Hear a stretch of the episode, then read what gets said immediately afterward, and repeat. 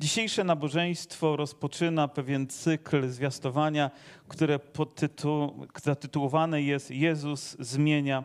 I tam w zasadzie powinny być trzy kropki, które zwiastują wszystko to, co tylko Jezus może uczynić i zmienić w naszym życiu.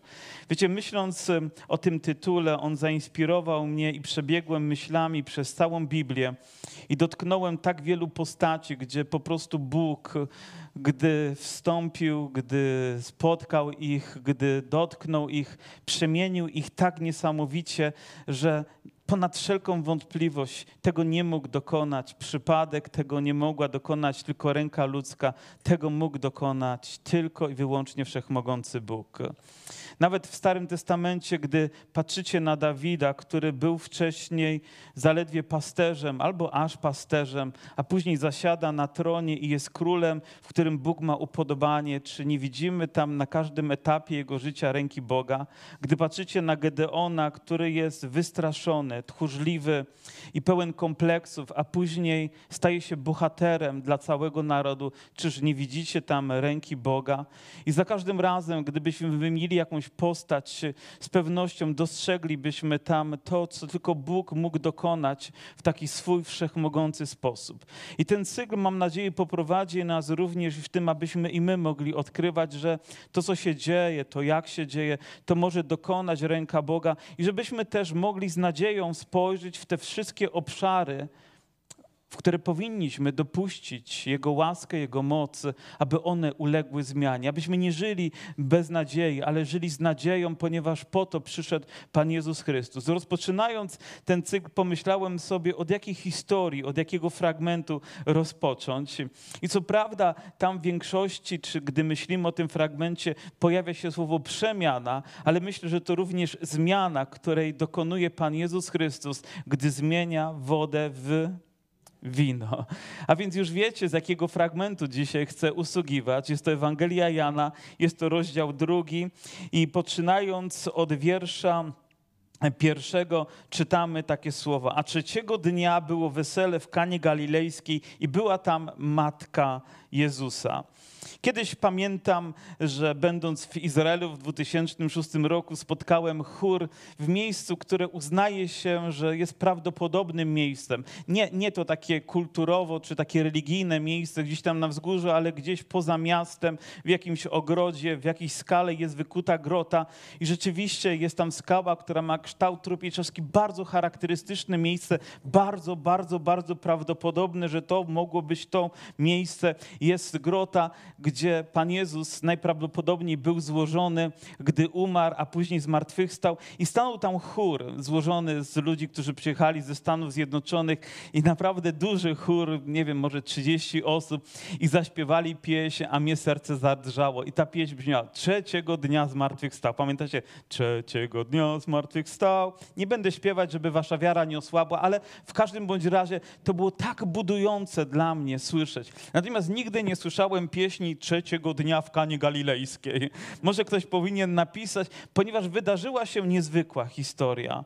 Wydaje się, że w taki zwykły dzień, no bo gdzieś w środku tygodnia, jeżeli przyjąć, że, że to trzeci dzień i wiemy, gdzie się wydarzyła i wiemy, kto był na tej uczcie i była tam matka Jezusa, zaproszono też Jezusa wraz z jego uczniami i tutaj proszę nie rozdzielajcie wierszy, bo my mamy wiersze podzieloną numerkami, ale gdy czytamy ten tekst oryginalny, tam nie ma rozdziałów, tam nie ma liczb, tam jest tekst, który jest ciągły, a więc wiemy, kto został zaproszony. Matka Pana Jezusa, Pan Jezus i Jego uczniowie. I każda z tych osób, która tam była, z pewnością była ważna, była na tym wyjątkowym weselu w tej Ganie Galilejskiej, ale pomyślałem sobie, czy ta historia miałaby jakikolwiek sens i swoją ciągłość, gdyby zabrakło tam Jezusa.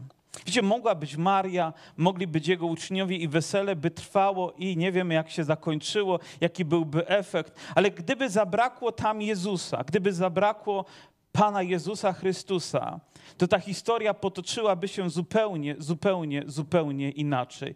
I myślę, że wiele historii toczy się w tragiczny sposób, ponieważ są ludzie, są jakieś okoliczności, być może są jakieś uczty, być może są jakieś celebracje, ale brakuje Jezusa, to On dokonuje zmiany. To On jest tym niezbędnym, który obecny w naszym życiu dokonuje to, co tak chwalebne. Kiedyś y, pamiętam, jak słuchałem świadectwa pewnej kobiety, która przez całe życie wiernie służyła Chrystusowi. Naprawdę całym swoim sercem. Wszystko, co robiła, robiła dla Jego chwały i robiła z wielką pokorą. Wiecie, ta kobieta, już będąc bardzo dorosłą, e, taką jak ja i starszą trochę, e, powiedziała, że gdy miała lat 8 czy 9, może mi ta liczba już się zaciera, postanowiła wraz ze swoją mamą, czy tatusiem, czy nauczycielem szkółki niedzielnej, aż to nie jest tak ważne, żeby Pan Jezus Chrystus wypełnił jej serce, żeby zamieszkał w jej życiu. I wiecie, na, nawet i w tym wieku, powiem, gdy Jezus przyszedł, przemienił wszystko, po prostu każdy kolejny dzień wyglądał inaczej, wyglądał inaczej. I ona z tą świadomością Bożej obecności, Bożego działania w swoim życiu prowadziła życie i poprzez to wszystko, co czyniło, było inne, ponieważ było nacechowane, było ubłogosławione tym, co tylko Bóg może uczynić w nas i może uczynić poprzez nas. A więc ta historia ma dalej swój sens, ale nie, nie dlatego, że była tam Maria, choć jest dla wielu osób bardzo ważną postacią, nie dlatego, że byli uczniowie, którzy są też zacni, fajni i chwalebni, ale dlatego, że jest Jezus Chrystus, to On dokonuje różnicy. Amen? I z tym się zgadzamy. I pomyśl o swoim życiu życiu, od tego momentu, kiedy uwierzyłeś w swoim sercu, ile zmian się dokonało.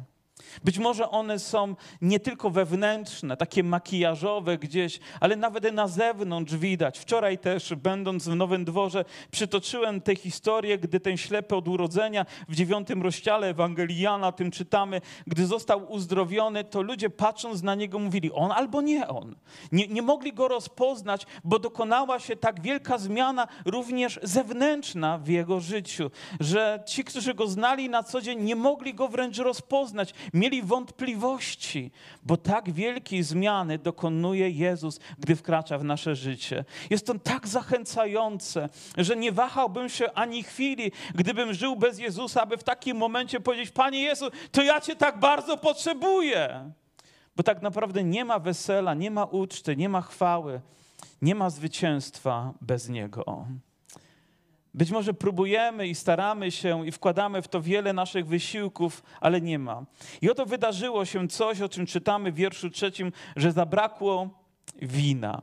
I pewnie wielu powiedział, to dobrze, powiem, będą trzeźwi, nie będzie żadnego problemu, ale w tamtej kulturze nie chodziło o to, jak u nas na weselach, że kto z nami nie, to niech się i nie chodziło też o to, żeby konkurować, kto pierwszy wpadnie pod stół, albo tam jakieś inne rzeczy. Choć teraz wiem, że te wesela inaczej wyglądają, bo też i czasy się, czasy się zmieniają, ale dla, dla nich było ważne, żeby, żeby było tam wino i oby go nie zabrakło. I rzekła matka Jezusa do niego, wina nie mają. Wiecie, słuchając tutaj Marii, uświadomiłem sobie, typowa kobieta. Od razu dostrzegła potrzebę, nie? Ja wiem, żaden z uczniów być może w tym momencie, Pan Jezus oczywiście tam wiedział, ale to ona dostrzegła, nie ma wina, tak? Jak nie wiem, jak to jest, ale wy, drogie panie, wyprzedzacie nas o kilka lat świetnych, gdy chodzi o przewidywanie albo dostrzeganie jakichś rzeczy, czego nie ma albo co jest. Nieraz dzwonię do mojej żony, no co mam kupić? Ona, no, przecież wiesz, co jest w lodówce, co nie ma. Skąd mogę wiedzieć, co mamy albo czego, albo czego nie mamy? A ona już pewnie wie, co jest na każdej półce, albo mówię, gdzie jest to? A ona mówi, jak możesz nie wiedzieć, tyle lat mieszkasz w tym domu? Bracia, nie wiem, czy tylko ja taki tępy jestem, czy jeszcze paru innych może to poświadczyć ze mną, ale po prostu nie mam takiej cechy, żeby przewidywać, żeby te rzeczy wiedzieć, gdzie są. Po prostu ja bym chciał, żeby mnie tam GPS doprowadził. Włączyłbym aplikację, znajdź widelec i bym powiedział, skręć do kuchni w prawo, dojść do tej szafki, otwórz tej szufladę i prawdopodobnie zauważysz po prawej stronie, nie? Po prostu tacy, tacy jesteśmy. To fajne, jak wchodzi się też na przykład gdzieś, przepraszam, do toalety, idzie jakiś facet z GPS-em, idź na południe, nie? Bo nie wyłączył jeszcze samochodu. Ale mówię, nie potrafimy dostrzec. Natomiast ona miała ten zmysł, dostrzegła tę potrzebę i rzekła, matka, wina nie ma. Jakby od razu mówi, no chyba coś z tym zrobisz. I rzekł do niej Jezus, czego chcesz ode mnie, niewiasto? Typowy syn, prawda? Jakby no coś potrzeba zrobić, ale ja jestem taki, że zawsze chciałbym zrobić to później, tak? Zrobić to, bo wydaje mi się, że to nie jest najwłaściwszy czas, kiedy ktoś do mnie mówi, że teraz mam to zrobić. Szczerze powiedziawszy, nie mówię o Panu Jezusie, ale we mnie coś się burzy. Jakbym ja nie wiedział, kiedy mam to zrobić. Przecież ja mam teraz wolne, ja mam teraz czas na inne rzeczy, a ktoś ode mnie oczekuje. Panowie, czy wy też czasami wewnętrznie się burzycie? Ale dla dobra i świętości małżeństwa radzę, zróbcie to. W tym przypadku akurat wiemy, że chodziło o coś więcej, o znacznie więcej i rzekł do niej Jezus. Czego chcesz ode mnie, niewiasto? Jeszcze nie nadeszła godzina moja. I zastanawia nas oczywiście to, dlaczego akurat Maria w tym momencie oczekuje od Jezusa i mówimy, że to pierwszy cud, jaki Jezus dokonał, a więc skąd ona w ogóle mogła wiedzieć, że, że syn mógł odpowiedzieć? A może miała coś innego na myśli? Może jest Jezus, są jego uczniowie, to niech skoczą gdzieś i załatwią, tak, żeby zaspokoić tę potrzebę. Ale ona, ona wiedziała w sercu, ona nosiła to słowo obietnicy dotyczącą Jezusa, ona obserwowała go dobrze i wiedziała, kto rośnie w domu. Naprawdę wiedziała. Czuła to całym, całym sercem, ale Pan Jezus mówi, jeszcze nie nadeszła godzina, ale rzekła matka jego do sług, co wam powie, czyńcie. No po prostu postawiła naszego mistrza przed faktem. Mówi, co wam powie, to czyńcie. A więc y, nie wiemy, że ona wypowiedziała tutaj słowa, które powinny nam zapaść do serca. Ona powiedziała do sług, co wam powie, to czyńcie. Czyli innymi słowy powiedziała do nich, macie słuchać kogo? Macie słuchać Jezusa, bo to On dokonuje zmiany. Zobaczcie, Maria mogła dostrzec potrzebę, uczniowie mogli zatroszczyć się, żeby ta potrzeba powstała, nie, nie załapaliście, ale później jak w domu będziecie jeszcze raz słuchać, to załapiecie. Uczniowie mogli zatroszczyć się, że ta potrzeba powstała, ona mogła dostrzec, natomiast tylko Jezus mógł rozwiązać. Tylko Jezus mógł rozwiązać te potrzeby. Mówi, co wam powie, to czyńcie. To taki prosty zwrot, ale który również jakby jest namiastką tego, co za chwilę mo może się wydarzyć i będzie czymś niezwykłym, a było tam sześć stągwi kamiennych, ustawionych według żydowskiego zwyczaju oczyszczenia, mieszczących w sobie po dwa lub trzy wiadra. Innymi słowy, mamy pewną tradycję, mamy pewną kulturę, mamy pewne zwyczaje, które tam są. Są to kamienne stągwie, w których ma być woda, po to, żeby ludzie podchodzili i mogli się umywać. Przed każdym posiłkiem to było ich obowiązkiem obmyć się. Nawet wiemy, że Pan Jezus przed posiłkiem umył też nogi swoich uczniów, a więc oni się obmywali i temu celowi służyły te kamienne stągwie, w których było wiele litrów wody. Każda z nich kilkadziesiąt mieściła razy sześć, daje setki praktycznie litrów, naprawdę wielką ilość tego, co tam mogło się pomieścić. Ale to była tradycja. Wiecie, pomyślałem sobie tak, że gdy Jezus wkracza na arenę, gdy, gdy On się pojawia, to to, co zwyczajne, to, co wydaje się takie tradycyjne, zaczyna wybrzmiewać czymś, co staje się niezwykłe coś, co staje się chwalebne, coś, co zamienia się w niezwykłą rzecz, bo na początku są to tylko stągwie pełne wody, które jeszcze pewnie trzeba było uzupełnić, ale za chwileczkę wiemy, że ta sytuacja zmieni się, ponieważ Jezus zaczyna wypowiadać coś, Jezus zaczyna coś dokonywać i On czyni tą ogromną zmianę.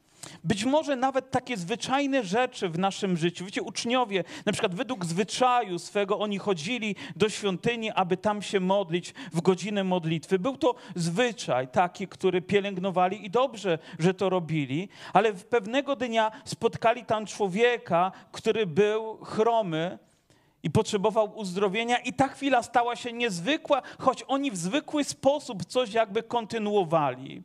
A więc są rzeczy, które w naszym życiu są pewnymi zwyczajami, które są dobre i które mamy w naszym życiu. Mam nadzieję, że waszym zwyczajem jest to, że czytacie codziennie Boże Słowo. Ale nie zawsze jest tak, że codziennie, gdy czytasz Boże Słowo, to za chwilę głową sufit przebijasz, bo tak skaczesz z radości, roznosicie. Ale są takie momenty, gdzie ta zwyczajna rzecz zamienia się w niezwyczajną, bo Bóg to używa, wkracza Jego obecność i to Słowo staje się odpowiedzią. Bóg napełnia Twoje serce. Mam nadzieję, że Twoim zwyczajem jest modlitwa, ale nie zawsze każda modlitwa jest tym, co rozrywa nasze serce, ale są chwile, kiedy ta chwila staje się niezwykłą. Po prostu ta chwila modlitwy, dlatego że ją kontynuujemy, a więc powinniśmy mieć nie jakieś tradycje niezdrowe, nie wynikające z niczego właściwego, a być może nawet ich źródła są podejrzane, nie powinniśmy tam nigdy nawet sięgać, ale z czymś, co jest dla nas, ewangelicznie wierzących ludzi, dobre, właściwe i potrzebne, abyśmy mieli takie w tym momencie kamienne stągwie, jakieś rzeczy, z których możemy zaczerpnąć. A gdy przychodzi Bóg, On czyni to niezwykłym, niezwykłym. On potrafi przemienić to w coś, co nabiera zupełnie innego smaku. I rzeczy im Jezus, napełnicie stągwie wodą i napełnili je aż po brzegi. Chcę też zwrócić uwagę na to, jak charakteryzuje się sługa. Bo oto człowiek, który stoi, żeby wykonywać pewne czynności na polecenie. Tak, mówisz mu, weź to, zrób tak, napełnij tutaj stągwie i później. I oto sługa to ktoś, kto słucha swojego pana, który wydaje mu polecenia, a nie próbuje tego kwestionować. Ja, ja, nie wiem jak wy, ale ja lubię kwestionować czasami rzeczy. Zadawać sobie pytanie, bo taką jakąś mam naturę. Czy to natura przekory, czy, czy jak to by się nazwać. Ale chciałbym jakby zrozumieć więcej. Gdyby do mnie przyszedł Pan Jezus powiedział, no, no weźcie napełnijcie. Mówię, ale po co? Tak, dlaczego mam to zrobić? Powiem, ile mam tego napełnić? No, co, co z tego będzie wynikać? Ale sługa tak naprawdę ma jedno zadanie zrobić to. Pytanie, czy jestem sługą, czy jestem człowiekiem, który zastanawia się tylko nad tym, czy ewentualnie to zrobię, czy nie zrobię. I myślę, że wiele razy Bóg przemawia do naszego serca, żebyśmy coś po prostu zrobili na Jego słowo, a mówimy, ale dlaczego? Ale po co mam to zrobić? Myślę, że nie tak powinien odpowiadać sługa. Sługa powinien powiedzieć tak, panie, i pytać się, co jeszcze mogę zrobić. Aby to, co zwyczajne, mogło stać się czymś niezwyczajnym. Aby Bóg, dokonując tego dzieła, uczynił tą ogromną, ogromną różnicę. Mówi, napełnijcie aż po potem rzekł do nich, zaczerpnijcie teraz i zanieście gospodarzowi wesela, a oni zanieśli. Po prostu wykonali to tak, jak też Pan Jezus od nich oczekiwał. Ale wiecie, wydaje mi się, że tu jest już ryzyko takiego sługi, bo teraz idzie z czymś, co napełnił wodą i nabiera to i idzie zanieść gospodarzowi i w tym momencie drży. Bo myśli sobie, no jak podam gospodarzowi kubek wody tam jeszcze, gdzie wcześniej ludzie może jakieś ręce myli, już nie mówiąc o innych częściach ciała. I, i, I miałbym zaryzykować w taki sposób, ale sługa podejmuje ryzyko, które tak naprawdę nie jest ryzykiem, ale aktem wiary na słowo swojego Pana. I to dokonuje różnicy. I nigdy nie będziemy oglądać tej różnicy, dopóki nie podejmiemy tego ryzyka dopóki nie posłuchamy tak do końca słów Pana Jezusa. Czasami mówimy komuś, zrób to, a po co? A na co? A dlaczego? I, powiem, I od razu pojawia się szereg rzeczy. Rozumiem, dochodzenie do czegoś jest rzeczą właściwą i zadawanie sobie pytań, nawet krytycznych odnośnie tekstu, by właściwie zrozumieć, ale ostatecznie dochodzę do tego, że ten proces analizy tak szybko się przekłada w moim sercu, że podejmuję te decyzje, aby Pan Jezus tego dokonał.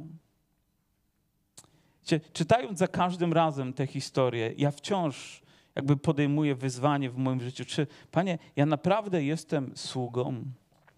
Bo tak łatwo jest to mi wypowiedzieć gdzieś na forum publicznie, o, jesteśmy sługami i ładnie to zabrzmi, zaśpiewamy w pieśni, my, słudzy Twoi, przychodzimy przed Twój święty tron, Panie. Ale co za tym słowem idzie? Czy te akty posłuszeństwa, że biorę, napełniam, że zaczerpnę, idę i podam? Wiecie, Biblia nas uczy, że nawet jeżeli jeden kubek wody podamy w Jego imieniu, to nie będzie to bez znaczenia. ta zwyczajna rzecz, ze względu na to, że czynimy ją w imieniu Pana Jezusa Chrystusa, staje się niezwykłą rzeczą. Ponieważ ktoś może właśnie tego potrzebuje. Potrzebuje jednego słowa, ale jeżeli Bóg wkłada to słowo zachęty w Twoje serce, to powinniśmy temu być posłuszni. Pamiętam, jak jeden z pastorów opisuje historię, że Bóg przemówił do niego, żeby wsiąść w samolot, przejechać ileś tam tysięcy kilometrów, wylądować, iść do szpitala, położyć ręce na swojego chorego brata i powiedzieć mu tylko jedno słowo: w imieniu Jezusa Chrystusa bądź uzdrowiony. Ale gdyby nie okazał posłuszeństwa temu dziwnemu słowu w dziwnym miejscu, mówi, dlaczego nie mógł zrobić tego na odległość? Mówi, panie, przecież jak tu się pomodlę, będzie równie dobrze jak tam, ale Bóg nie. Chciał, żeby stanął i słyszeliśmy świadectwo tego człowieka, który był wtedy na łożu. I mówi, w tym momencie, gdy on wchodził, mówi, moja dusza uchodziła ze mnie. Mówi, jakby już widziałem siebie od zewnątrz, a nie od wewnątrz. Mówi, i w tym jednym momencie powiem, życie powróciło. I stał tam i składał świadectwo, dlatego że ktoś okazał to zwykłe, głębokie posłuszeństwo Panu, aby wziąć słowo i zanieść tam, gdzie jest miejsce potrzeby, a Bóg dokona swojego, swojego dzieła. Potem rzekł: Zaczerpnijcie i zanieście. A gdy gospodarz wesela skosztował wody, która stała się winem, a nie wiedział skąd jest, lecz słudzy, którzy zaczerpnęli wody, wiedzieli, przywołał oblubieńca. Dlaczego? Ponieważ wydarzył się cud. Bóg zamienił wodę w wino. Zmienił wodę w wino. Podoba Wam się? Gdyby to było takie proste, nie? Ile panów spod biedronki, przepraszam za to określenie, chciałoby mieć taką wiarę. Oczywiście, że nie o to chodzi w tym cudzie. Ale ja, czy ktoś z was wie, jak się robi wino? Kto z was wie, jak się robi wino? Kto? Nie podnoście rąk, proszę, nie wiecie, nie wiecie. Uczycie się dopiero teraz. Wyciągacie notatnik i uczycie się. Bierzecie 20 kg czerwonych winogron, do tego bierzecie 2 kg cukru, do tego bierzecie 2 litry wody i do tego bierzecie jeszcze tam trochę drożdży, uzupełniacie i to oczywiście odpowiednio trzeba później i, i przygotować do tego, żeby poddane było fermentacji i tworzy się wino. Ale nie woda od razu wino, to jest proces. Oczywiście jest tam woda, są owoce, jest to wszystko, co Bóg Bóg stworzył, ale w tym momencie ten proces został skrócony do tej jednej chwili, którą dokonał Jezus Chrystus. Do tej jednej chwili. Każda ta rzecz trwałaby miesiącami, latami i stawała się być może niektóre, większość z nich nie, niemożliwym, ale pojawił się Jezus Chrystus, który uczynił to możliwym. Ten długi proces wzmożony. Czasami my podejmujemy jakieś wysiłki w pewnym procesie i dokonuje się jakaś tam przemiana, ale ona nigdy nie będzie tak głęboka, nigdy nie będzie tak dynamiczna, nigdy nie będzie tak chwalebna, gdy dokona tego Jezus Chrystus. Możesz próbować, nawet wiele razy słyszałem świadectwa ludzi, którzy opowiadali, że byli raz, dwa, trzy, dziesięć nawet na odwykach, przechodzili przez różne procesy. Niektórym na chwilę nawet one pomagały i czyniły ich życie nieco lżejszym na moment, ale nigdy nie stało się to takim, dopóki nie przyszedł Jezus Chrystus, aby wkroczyć i dokonać przemiany życia. I tak naprawdę właśnie o to chodzi, żeby Bóg mógł dokonać tego w nas, w naszym życiu. Żeby On to, co zwyczajne wydaje się, uczynił czymś szlachetnym, czymś niezwykłym i pięknym dla naszego życia. Powiem, to już nie był smak wody, ale to był smak najwyborniejszego wina, jakie człowiek kiedykolwiek mógł zakosztować. Usta kiedykolwiek mogły posmakować, to nie smakowały jeszcze takiego wina. I chcę wam powiedzieć myśl, którą uważam za ważną. I wiecie, i my wszyscy ze względu na Jezusa Chrystusa powinniśmy poczekać na to wino, które On nam poda. A do tego momentu najlepiej się powstrzymywać.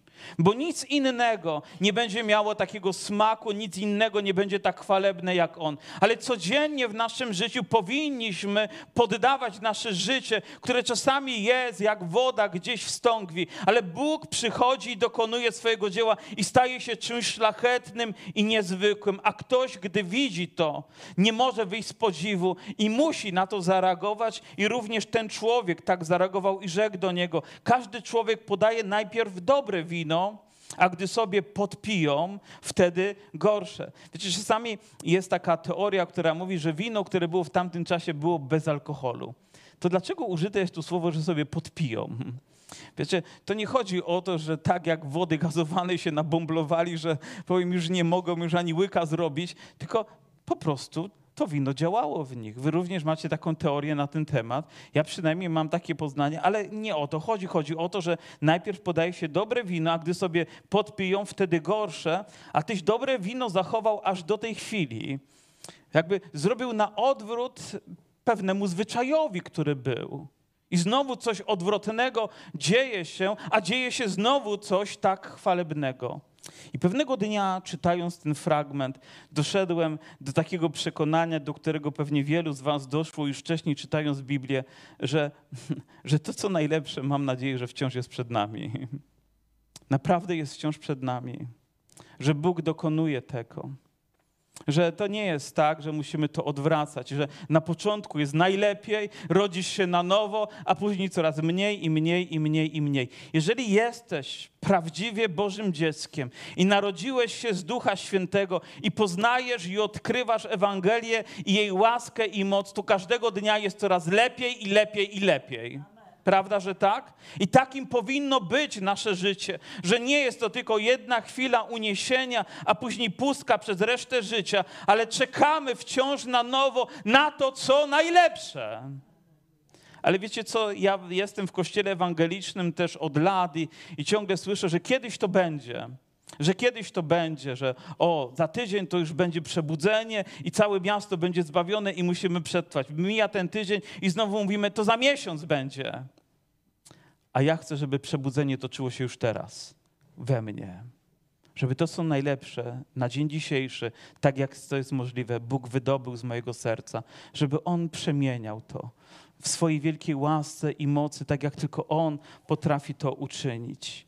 Ale tak naprawdę ten człowiek, który przyszedł, ten e, oblubieniec, ten pan młody do, do gospodarza, to tak naprawdę nawet nie wiedział, jak uratował mu skórę Pan Jezus jakiego wstydu, jakiej hańby, jakby pozbawił go, czy zatrzymał ją, uchronił ją od niego, dokonując tego dzieła. Ja też nie wiem, jak wiele rzeczy Bóg dokonał w moim życiu, w jak wielkiej czasami nieświadomości żyję, jak wielka chwała objawiła się, bo dokonuje tego Jezus Chrystus.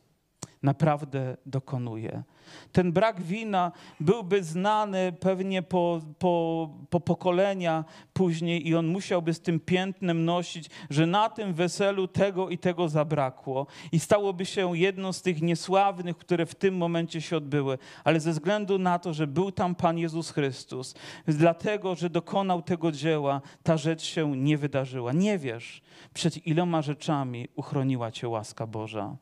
Ile przed iloma rzeczami, konsekwencjami uchroniło cię Boże działanie. Nawet nie zdajesz sobie sprawy, ale to wciąż pracuje w Twoim życiu. Bóg czyni tak wiele niezwykłych, czasami rzeczy nawet ukrytych przed naszymi oczami, ale dokonuje je w niezmienny sposób w naszych sercach. Mówi każdy człowiek, mówi najpierw podaje to, co pospolite, a później dopiero to, co, najle, e, to, co najlepsze, najpierw, a później to, co pospolite, a Bóg zaczyna działać, przemieniając nasze nasze życie, czyniąc je takim, jakim On zawsze chce, żeby było. To znaczy, że jesteśmy w procesie, że Bóg chce tego wciąż dokonywać, że dzisiejszy dzień i to nabożeństwo może i powinno dokonać różnicy w moim sercu i w Twoim sercu, wiedząc, że Jezus Chrystus zmienia. Nie wiem, z jakim obarczeniem przyszedłeś, a może nawet nie wiesz, z jakimi rzeczami gdzieś kiedyś będziesz musiał się zmierzyć, ale jest ktoś, kto o tym wie. I aby uchronić się przed tym, aby zapobiec katastrofie, pozwól mu, aby to on wykonywał swoje dzieło w tobie i to w całej pełni. Wiecie, nie było tak, że jedną stągwię Pan Jezus pominął, albo tylko część wypełnił, a druga była czymś innym wypełniona, ale gdy On czyni, czyni to kompletnym, czyni to spełnionym, czyni to we wszystkim. Czy myślicie, że dzisiaj On chciałby, żeby ktokolwiek z nas wyszedł z tego miejsca po prostu z takim pospolitym, a nie uświęconym sercem, takimi zwyczajnymi myślami, a nie przemienionymi, takim starym życiem, a nie nowym życiem, szlachetnym życiem, pełnym chwały życiem dla Niego? Myślę, że właśnie po to pojawił się na tym weselu Pan Jezus, aby wykonać to dzieło, aby uratować Go od hańby, ale przede wszystkim, aby to, co odkrywamy na końcu, było tym, co zapamiętamy na resztę życia. Takiego pierwszego cudu dokonał Jezus Kani Galilejskiej i objawił chwałę swoją. Uwierzyli weń uczniowie Jego. Objawił chwałę swoją, swoją wielkość, swój majestat, swoją moc, zamieniając wodę, zmieniając wodę w wino zmieniając czyjeś życie albo ratując je przed hańbą. Uczniowie byli tego świadkami, a Jezus dokonał tego na ich oczach, a oni weń uwierzyli. Nie wiem, jakiego świadectwa Ty potrzebujesz, ale jestem przekonany, że wielu z nas dostało już dostatecznie wiele świadectw Bożej chwały, by w Niego wierzyć całym sercem, by ona się objawiała. I wciąż mam nadzieję, że będziemy świadkami, jak Bóg będzie wkraczać i powiem, masz pracę, którą wykonujesz, ale czy nie myślisz, że Bóg chce, aby ta praca była czymś więcej niż tylko codzienną rutyną i obowiązkiem, żeby ta woda zamieniła się w wino? Może twoje małżeństwo jest w jakimś procesie na początku, ale czy nie myślisz, że On chce, żeby ono nie było coraz gorszym, ale żeby było coraz lepszym? Żeby stawało się tym szlachetniejszym, tym, co będzie objawiać Jego chwałę, czy nie powinien tam wkroczyć Jezus? Gdy myślimy nawet o naszej służbie, o naszych codziennych rzeczach, czy właśnie nie o to chodzi, żeby, żeby tam Jezus dokonywał tego? Może Twoje zdrowie, może Twój sposób myślenia, może Twój charakter, może Twoja postawa właśnie tego cudu potrzebuje zmiany. I powiem, tylko On może tego dokonać. Tylko Jezus Chrystus w życiu każdego z nas, w życiu swojego Kościoła. Czy myślicie, że to my możemy ten Kościół uczynić tylko lepszym? Możemy uczynić go głośniejszym? Tak, mamy do tego instrumenty. Może byśmy nawet możeli, mogli uczynić go nieco liczniejszym, stosując być może tam jakieś technologie, sztuczki i jakieś inne triki, żeby ludzi tutaj sprowadzić na jakieś wydarzenia. Być może możemy wiele ale tylko Jezus Chrystus może uczynić ten Kościół niezwykłym. Tylko On może uczynić moje życie niezwykłym. Tylko On może zwyczajną pieśń zamienić w pieśń chwały. Zwykłą melodię w melodię nieba. Tylko On może zmienić atmosferę, w której żyjemy, w tą, w której chcemy żyć nie tylko przetrwać, ale cieszyć się nią. Tylko On może tego dokonać. I zobaczcie, On przychodzi, wydaje się na zwykłe wesele, przychodzi ze swoimi uczniami, przychodzi zresztą Maria, ale uwaga nie jest na niej. Choć wypowiedziała mądre słowa, nie na uczniach, choć widzieli Jego dzieła, ale na Jezusie Chrystusie. I żaden z nich nie powinien za to dostać chwały, pewnie podziękowanie, może uznanie, ale tylko Jezus Chrystus jest godzien chwały. Amen. Tylko On jest godzien czci ze względu na to, czego dokonuje. A więc bądź poddany. I gdy widzisz, gdy Bóg czegoś dokonuje w Biblii, gdy coś zmienia w tak szczególny sposób, gdy czyni rybaka człowiekiem, który resztę swojego życia spędza będąc rybakiem ludzi, zmienia jego profesję, ale zmienia jego charakter, zmienia całe jego życie, jego perspektywę, a nawet miejsce jego przebywania, wszystko zmienia. I wiecie co? Jezus w tym momencie objawia swoją chwałę w naszym życiu. Objawia swoją wielkość i chce, byśmy w Niego wierzyli, byśmy Mu ufali. Nie wiem, gdzie jesteś w jakimś momencie swojego życia, ale wiem, gdzie Jezus chce Cię doprowadzić. Wiecie, On nie zrobi tego nigdy beze mnie, nie zrobi tego wbrew mnie, ale zrobi to ze mną, zrobi to dla mnie, aby objawić to, jak On jest dobry. Mamy taką pieśń, która mówi, że Bóg przemienia tam ogrody, tam te, jest taka pieśń ogrody, tak, która, że Bóg ciągle przemienia, ciągle przemienia, ciągle przemienia. I zaśpiewamy tę pieśń na koniec jako podsumowanie tego naszego wstępu do całego takiego cyklu. Będziemy przyglądać się, gdy Bóg zmienia myślenie, zmienia zdrowie, zmienia życie. Wiecie, że czasami nawet Bóg zmienia nasze ubrania, to jak się ubieramy? Z pewnością. Jeżeli przemienia Twoje serce, zaczyna, zaczyna przemieniać wszystko. I w to w niezwykły sposób, aby objawić swoją chwałę. Pochylmy nasze głowy, tak przez chwilę. Mam tylko jedno pytanie. Kto z Was takim szczerym aktem wiary i posłuszeństwa Bożemu Słowu chce, aby Bóg tego dokonywał? Nie zrobi tego bez Ciebie, ale gdy powiesz Mu tak, może to wiązać się nawet z rewolucją Twojego życia bo Bóg zmieni wszystko. Nie tak, jak Ty to zaplanowałeś, ale tak, jak On, by objawić swoją chwałę w Twoim życiu. I musisz teraz wybrać. Nie ma hybrydowego też wyboru, że trochę mnie, trochę Panie Ciebie i jakoś sobie poukładamy. Kiedyś jeden z, z braci powiedział, słyszał takie powiedzenie, że kto pracuje i dokrada, temu Pan Bóg dopomaga. Większej głupoty nie słyszałem. Ale wiem, że kiedy służymy Bogu z otwartym sercem i poddajemy się Jego działaniu, Bóg zatroszczy się o wszystko. Również o to, co dla nas jest nie do przemiany.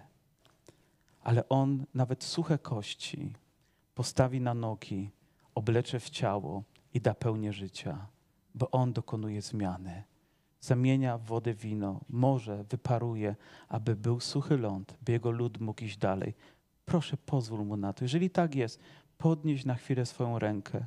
Może to dotyczy kogoś Tobie również bliskiego, Twojej rodziny. Podnieś, proszę, podniesie teraz. Wy, którzy zgadzacie się, Panie, chcę, chcę, żebyś Ty zmieniał, żebyś Ty mnie prowadził, żebyś Ty błogosławił moje życie. Ale najważniejsze jest to, żebyś Ty był i żebyś Ty był na pierwszym miejscu. Nie gospodarz, nie Pan młody, nie Maria i nie uczniowie, nie goście, którzy tam byli, ale On jest tym najważniejszym w tej historii.